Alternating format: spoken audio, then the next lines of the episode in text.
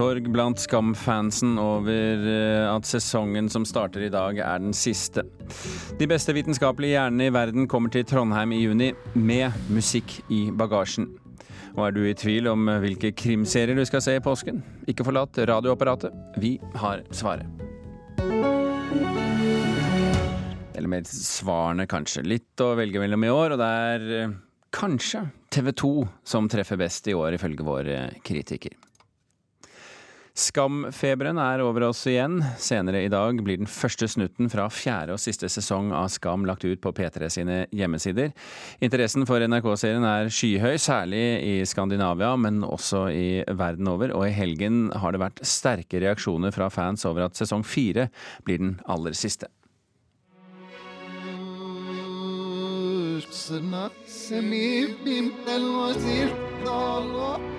Det kokte over på internett på fredag da det ble kjent at karakteren Sana får hovedrollen i den siste og avsluttende sesongen av Skam. Den første tida etter at nyheten slapp, ble ordet skam tvitra én gang i sekundet. Så hvis du hører noen bruke religion for å argumentere for hatet sitt, så ikke hør på dem. Fordi hat kommer ikke fra religion. Det kommer fra frykt. Reaksjonene har vært positive over at Sana har hovedrollen i sesong fire. Anmelder Marie L. Kleve i Dagbladet sier til sin egen avis at det er historisk og veldig kult at vi endelig får en muslimsk hijabkledd hovedperson i en populær norsk dramaserie. Along with the trailer, it was said that this was going to be Scam's last season, and I'm pretty sure I did not I helga har mange Skam-fans fra hele verden lagt ut videoer på YouTube av sin egen reaksjon når de ser traileren for første gang. So it did say it was their last season, and I think Julie Andam. Uh, I know Julie Andem posted it on Instagram. Også der er mange glade over at det er Sana som får hovedrollen. Oh my god, so it's it's Sana season! Yes! Men det er også sterke følelser i sving over at dette er den siste sesongen. That means last season? What? No. Why? Why is it the last season? I need answers. Uansett er det ingen tvil om at norskkunnskapene er i ferd med å ta seg opp utafor Norges grenser. Scam says on four. I don't even know if I pronounced that right. I tried learning Norwegian, and I just never got the hang of it. Lett skal det ikke være. Reporter her, det var Oddvin eh, Aune. Vegard Harm, programleder i VG og sosiale medier-kjendis. Ivrig Skam-fan dessuten. Velkommen til Kulturnytt. Tusen hjertelig takk. Ja, Sosiale medier slo jo koldbøtte da nyheten ble sluppet på fredag. Hva forteller det deg? Altså, Det forteller jo bare hvor ekstremt stort engasjement det er rundt Skam. Og jeg selv dro rett til legen, tok en blodprøve, fordi Men det passa veldig fint, for å si det sånn, så det la jeg ut, da. Og Ja. feira ny Skam-sesong Med blodprøve. med blodprøve. Hva er din forklaring på at uh, unge mennesker, altså særlig i skandinaviske land selvfølgelig, men også Kina, USA, ser på denne serien? Altså, jeg De treffer så bra. Altså, De treffer rett på. altså sånn, de, Hele ungdomstida mi altså Du kan jo se William og Nora, hele den pakka der, med russebusser og feminisme og hele pakka. altså Det er så on point. Vi kjenner oss så igjen. Og Julie Andem og gjengen bak Skam har liksom, de har lagd det så bra, gjort så god research. og det er liksom, Vi er bare helt overveldet. Bortsett fra blodprøven, hva var din eh, reaksjon da du fikk eh, nyheten om at eh, dette blir Skams siste sesong? Jeg tror jeg fikk et lite illebefinnende. Så henta jeg meg inn igjen, og så tenkte jeg meg litt om, og da tenkte jeg det er nok en veldig lurt kanskje å sette punktum her nå, for da er det fortsatt, fortsatt on top, på en måte. Så det gikk greit foreløpig. Jeg må kanskje gå litt til terapi. Men var du en av dem som krysset fingre for at Sana skulle bli hovedperson i, i en sesong? Absolutt. Og så Vi begynte å spekulere ganske tidlig hvem som skulle få sesong fire. Og når det begynte liksom å bli mer og mer mot at det kommer til å bli Sana, så ble jeg bare kjempeglad. Altså Det er helt nydelig. Hvorfor det? Nei, altså jeg mener for det første at uh, det er Altså De har vært innom de forskjellige tinga i alle sesongene. Også har vært innom liksom psykisk helse, homofili, hele pakka. Jeg synes det er så kult at en ung, sterk, dritfet muslimsk jente skal få eh, hovedrollen. For, da, for det første så kommer vi til å lære så mye mer om eh, den kulturen. Og at eh, hun er altså det kuleste menneske ever. Så strong, independent. Altså, hun er mitt spirit animal. Jeg tenker på Sana hver gang jeg skal være sterk. Eh, Heng med oss litt videre, Vegard Harm, fra det lille studioet du sitter i i Tønsberg. Eh, Vi skal en tur innom Håkon Mosleth her, eh, redaksjonssjef i eh, TV P3. Velkommen, eh, Håkon. Takk. Klokken 13.28 legges altså det første klippet ut i årets sesong. Hva kan fansen forvente seg? Nei, de kan forvente seg en uh, veldig spennende og bra sesong, tror jeg. Det er jo uh, Litt mer konkret, er du snill. Nei, det, vi er ikke så konkrete vet når det gjelder Skam. Det er alltid sånn at man må uh, se og følge med på Skam-siden. Men nei, jeg tror, vi tror det blir en fantastisk sesong, og er glad for å kunne ha Sana som hovedkarakter i, i sesong fire. Og jeg tror det, det blir en veldig verdig avslutning. Var det gitt at det skulle bli Sana i sesong fire? Nei, det er jo aldri gitt, det. Dette er jo Julie som skriver historien. og, og eh, men det føles jo som en veldig naturlig eh, hovedkarakter i sesong fire. Har jo vært eh, en, en, en, kanskje mest kompleks av alle karakterene i Skam-universet. og hun har vært en veldig viktig bifigur i alle de tre foregående sesongene. Så, så, det føles veldig bra. Ja, For de som ikke har fulgt med, så er dette altså en, uh, norsk muslimsk kvinne med hijab og sterke meninger. Uh, glad i å feste, men drikker ikke alkohol. Uh, det har jo vært konflikter med bl.a. noen i familien og spørsmål om ære osv. Går det rett inn i et vepsebord nå? Nei, jeg tror ikke det. Det er jo fansens uh, favorittdisiplin er å spekulere i hva som, uh, hva som, skjer. Og det har allerede vært gjenanalysert, denne traileren, etter at den kom på fredag. Uh, men det er jo Sana står jo med ett bein i den norske kulturen og med sine, sine venninner som, som, fester. og det livet der, og samtidig som hun er veldig sterk i sin tro. og Det gir jo grunnlag for en veldig spennende sesong, tror jeg. Eh, hun er jo fremstilt som en tøffing, har vært eh, så langt. En som takler alt, eh, men som jo for så vidt ikke er helt ufeilbarlig heller. Får vi en Sana med sprekker i fasaden denne våren? ja, det er jo noe av det det har vært spekulert mest i siden denne promoen kom ut. Hun er jo kanskje den sterkeste av alle Skam-karakterene og står veldig sterkt i alt kaoset. Men det er klart hun vil bli satt på prøvelser i, gjennom sesong fire. Vegard Harm, hvilke tanker, håp og ønsker har du for siste sesong? Altså, jeg ønsker for det første skulle jeg ønske jeg hadde en venn som Sana, for det hadde jeg virkelig trengt i min ungdom. En uh, som satte meg litt på plass. Uh, men altså, jeg har Det er aldri liksom, for sent, Vegard. Nei, det er jo ikke det. Det er helt riktig. Uh, altså, jeg har liksom ikke helt tenkt på Jeg lurer på, selvfølgelig, jeg er bare veldig spent på hva sesong fire kommer til å by på, helt rett og slett. Jeg, kommer, jeg, vil egentlig ta det litt som det kommer, for jeg vil slutte å prøve å finne ut alt før det skjer, for det er jo ikke noe spennende. Jeg sier det. Du skal bare sette deg tilbake og la det skje? Ja, jeg håper det. Ikke den jobben jeg driver med, da. Det blir litt vanskelig med Morten Hegseth som sitter på kontoret ved siden av meg. Ja, og bare for de som uh, ikke følger med på VGTV, så er det altså Morten Hegseth i VG og, og du som nærmest uh, uh, kommenterer etter hvert som det folder seg ut? Ja, ja, hver eneste episode. Håkon Mosleth elsker det. ok. Du skal få slippe Håkon Mosleth å svare på det. Vi runder av Vegard Harm og Håkon Mosleth. Takk for at dere var med i Kulturnytt.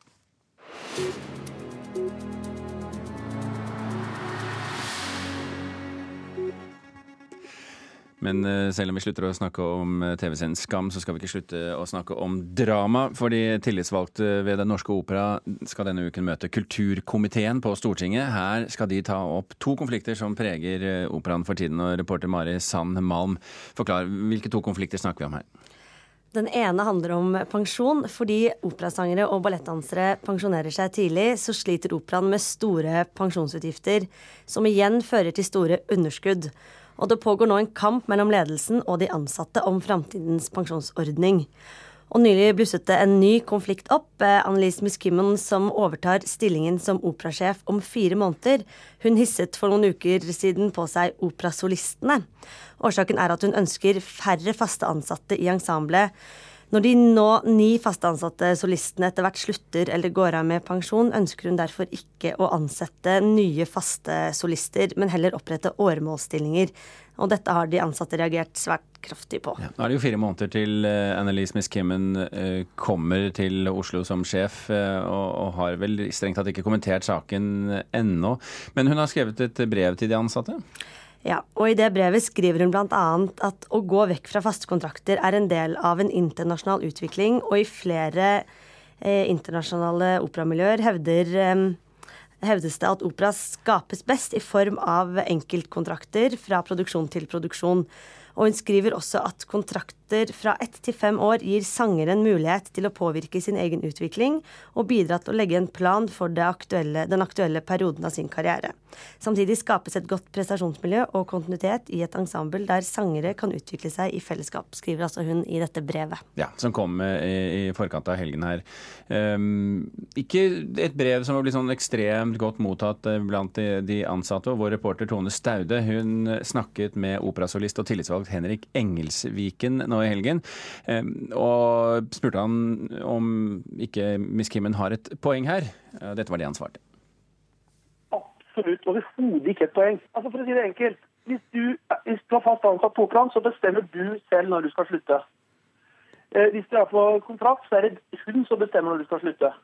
Dette dreier seg om bruk og kast. Så bruker man fine ord på det, og så kaller man det kunstneriske grunner. Og så kan man ikke angripes, og så bruker man mange fine ord, men i realiteten så er det et ønske om å bli kvitt folk fortest mulig og få inn nye. Tirsdag skal de tillitsvalgte møte kulturkomiteen på Stortinget, sier Henrik Engelsviken. For kampen er langt fra over. Og Da skal vi legge fram saken vår, og da skal vi argumentere for hvorfor vi både vil ha et ensemble, og at vi vil ha en anstendig pensjon som alle andre i dette landet. Vi krever ikke noen ting, vi bare krever å få lov til å beholde det vi har, som egentlig er det som de fleste i dette landet tar som en selvfølge.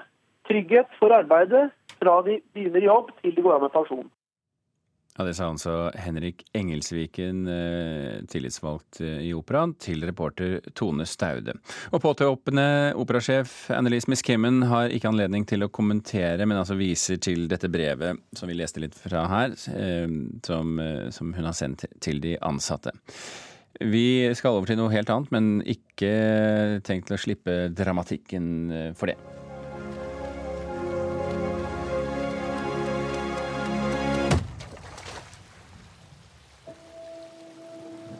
Det vi hører fra her, det er nyinnspillingen av grøsseren It. Filmen har premiere i september og handler om en klovn som kidnapper og dreper barn. Og denne filmen eh, den bekymrer eh, profesjonelle klovner. Eh, Mari? Ja, Profesjonelle klovner de frykter at filmen vil føre til at barn i fremtiden ikke lenger ser på klovner som noe hyggelig. Det er det Dagbladet som skriver. Og Silja Karinen Sollien hun har jobbet som klovn siden 2002. Og hun sier til Dagbladet at det er helt forferdelig at det lages en nyinnspilling av filmen. I høst var det mye snakk om folk som kledde seg ut som skumle killer clowns. Og Sollien mener at killer clowns har stukket kniven inn i ryggen på de gode, snille klovnene verden over, og at konsekvensen av denne filmen er at kniven som sitter i ryggen, blir vridd rundt flere ganger, slik at såret ikke noen gang kan lukke seg og leges. Ja, da har vi, da har vi sagt det, Mari Sandmalm. Takk for at du orienterte. Klokken har passert 16 minutter over åtte. Du hører på Kulturnytt, og dette er toppsakene i Nyhetsmorgen nå. Svensk politi har gjennomført en ny aksjon i natt etter terrorangrepet i Stockholm fredag. En bedrift som knyttes til den terrorsiktede mannen, ble undersøkt. Universitetssykehuset i Nord-Norge får kritikk. En døende kreftpasient ble sendt hjem uten at hjemmetjenesten ble varslet.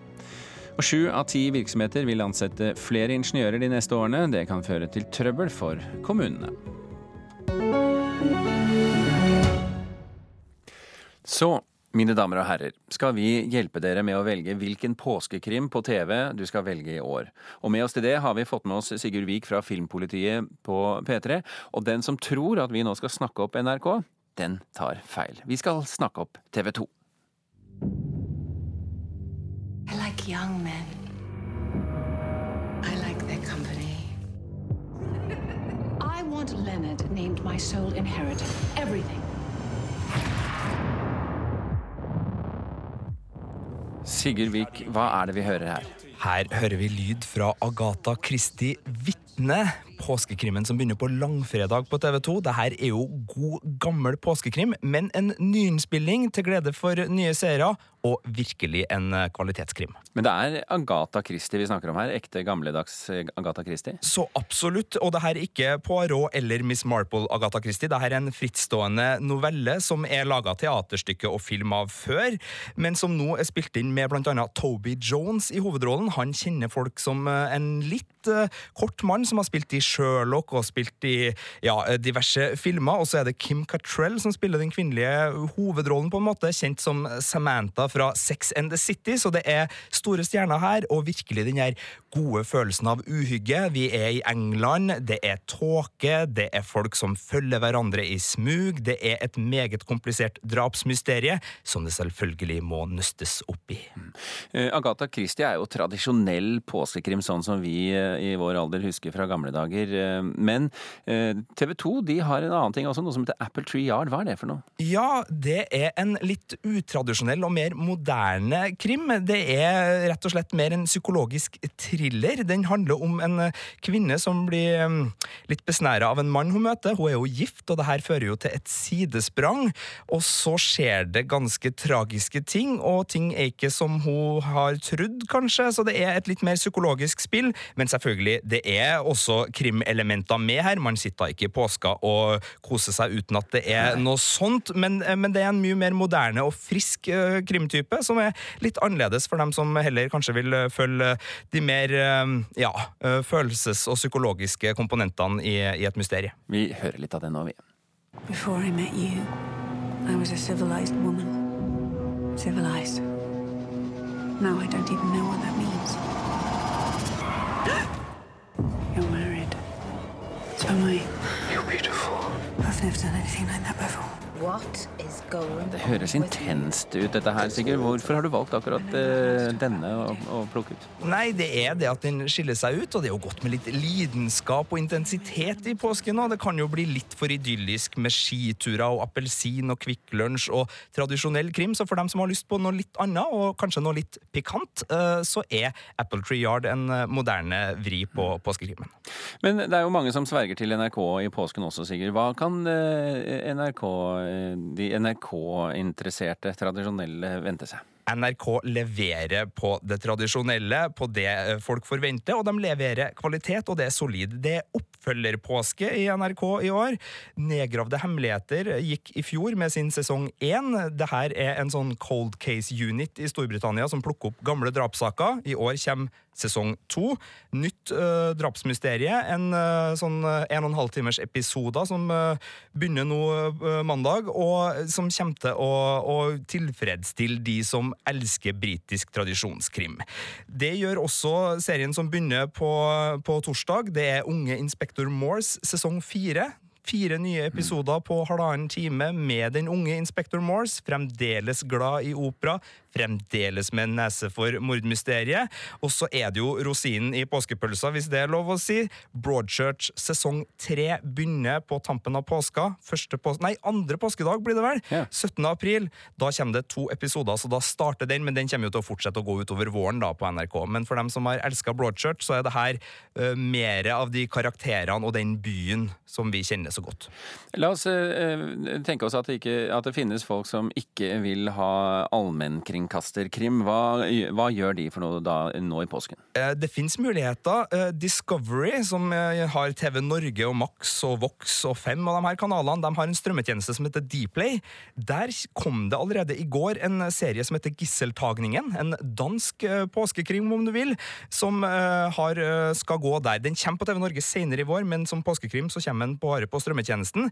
Det er et gisseldrama fra København. Terrorisme, og i likhet med Valkyrien så foregår den nede i T-banesystemet. Mer amerikansk actiondrevet krim, det her, hvis det kan kalles eh, krim, da. Og så har jo Viaplay, den strømmetjenesten som uh, sender ting som går på TV3 og Viasat-kanalene, de har jo Black Widows sesong to. Det her er oppfølgeren til Black Widows, som var et skandinavisk samarbeidskomediekrimprosjekt med annet Peter Stormare og Synnøve Makodi Lund, som kom i fjor. Uh, tre kvinner som dreper sine ektemenn, er basisen her, og jeg kan si så mye etter å ha sett litt av sesong to, at vi fortsetter i samme tralten. Så det er en mulighet. Så hvis folk ikke får med seg påskekrim i år, så er det ikke, ikke TV-selskapenes feil, i hvert fall? Nei, de har virkelig stått på i forhold til kvantitet, i hvert fall. Ja. Sigurd Vik, takk for at du orienterte, og da skulle vi ha gjort jobben vår eh, hva angår eh, tips og ideer til påskekrim for det norske folk. Nobelprisvinner, hjerneforsker og professor i nevrovitenskap May-Britt Moser tar igjen kunsten i bruk i håp om å røre folk med sine vitenskapelige fakta. I samarbeid med Trondheim-solistene forbereder hun nå en gripende forestilling til vitenskapsfestivalen Starmus i Trondheim i juni.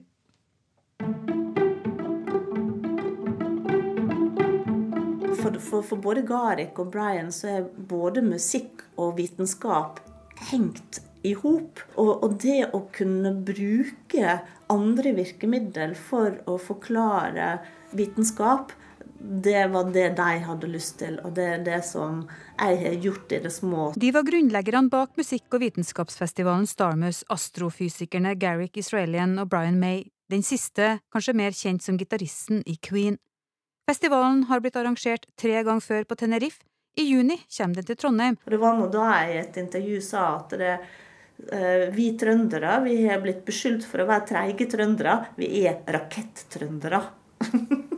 det som jeg syns er så fantastisk, det med at det, det, her skal komme ut til folket. Så spennende! Det er liksom ikke en sånn elite som skal sitte der og nyte musikk og science. Det her er folket sitt. En mengde nobelprisvinnere og verdens mest innflytelsesrike forskere kommer til Trondheim for å holde fengende foredrag om universet for folk flest. Blant dem astronaut Buzz Aldrin, som var den andre personen som satte sin fot på månen, og den akademiske superstjerna og musikkelskeren Stephen Hawking. Det er veldig spesielt. Vi har leita rundt i verden, og vi har ikke sett noen andre vitenskapsfestivaler som har en sånn oppstilling av eh, foredragsholdere som det vi har. Buss Buzz Aldrin, som har gått på månen, eh, Brian Cox, Emmanuel Carpentier, Jill Tarter, som forsker på utenomjordisk liv. Jeffrey Sachs, som har satt som mål å utrydde fattigdom. Ja, vi snakker om verdens fremste hjerner her, nå som blir samla i Trondheim i en uke. Det er det vi gjør. Det blir kjempegøy. Carl A. Olsson er prosjektkoordinator for Starmus ved NTNU.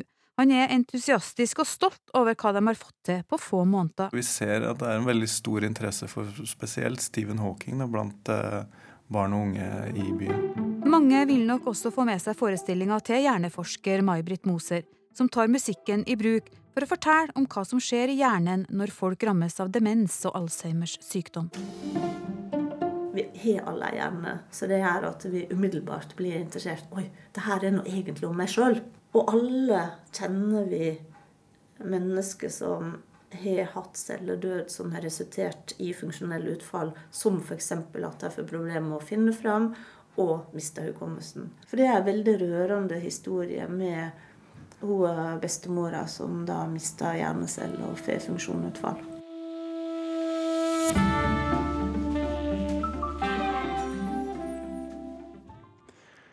Reporter i denne saken, det var um, Grete Tobro.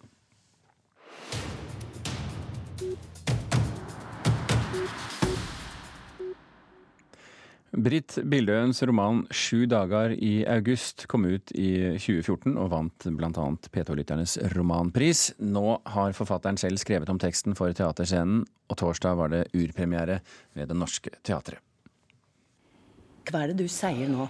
Hva er det du mener med at Marie likna på meg? Sier du at hun døde fordi hun likner på meg? Du kan ikke mene dette. Jeg snakker om ungdommene våre som vi ikke klarer å beskytte, som vi ikke klarer å passe på i det som skal være et av verdens tryggeste land. Nei. Du snakka om Marie. Nei. Du sa at hun var for forsiktig, slik Nei. som meg. Men hadde hun likna litt mer på deg, så hadde hun kanskje klart seg. Og du er ikke far hennes engang. Ja, der sier du det. Karen Frøsland Nystøl, teaterkritiker her i P2. Dette er den første norske teaterteksten som tar opp tema knyttet til 22. juli. Fortell, hvordan behandles dette på scenen? Først må jeg bare fortelle litt om hva det handler om. Vi er i 2019 i Oslo, og det er gått noen år siden terrorangrepene. Eh, Sofie, som vi hørte her, spilt av Nina Voksholt, hun mista dattera si der. Men sorga hennes er like sterk, selv om verden har gått videre. Hun opplever vel at verden har tatt patent på, på hennes sorg. Og som vi hørte i det lille klippet her, så sklir ektefellene fra hverandre. Mannen Otto, spilt av Geir Kvarme, han er ikke far til, til, Marie som døde, men de forsøker å holde sammen, forsøker å få livene sine til å gå videre, men de ser ikke helt veien de skal gå.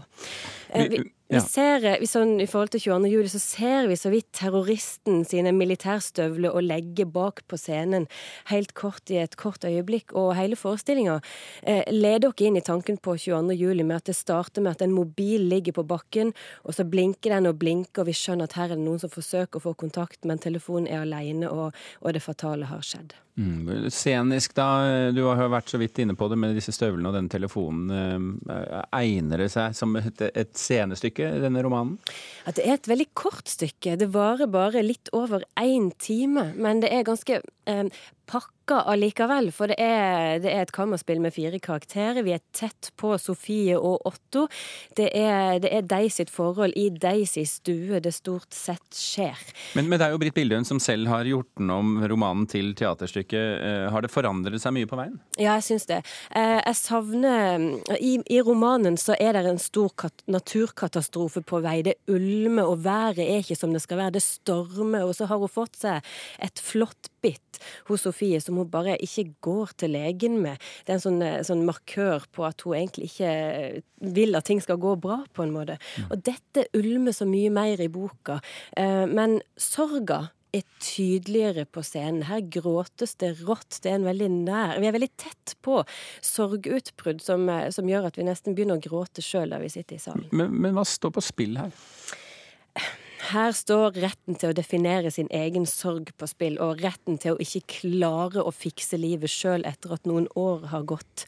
Eh, så står selvfølgelig dette parforholdet på spill, men det, det er ikke like tydelig, syns jeg, som i romanen. Den apatien som Sofie og Otto har, den er ikke like sterk eh, i sceneversjonen. Og alternativet til apatien, som er ensomhet, det, det er liksom ikke det, det, alternativet de ønsker heller. Så der kunne de ha bygd stykket tettere opp mot romanen. Mm. Det var det vi rakk det, Karen Frøsland Nystøl, om uh, stykket 'Sju dager i august', som altså går på Det Norske Teatret i Oslo. Kulturnytt uh, runder av for denne omgang. Gjermund Jappé og Birger Kolsrud Aasund pakker snippesken og takker for følget.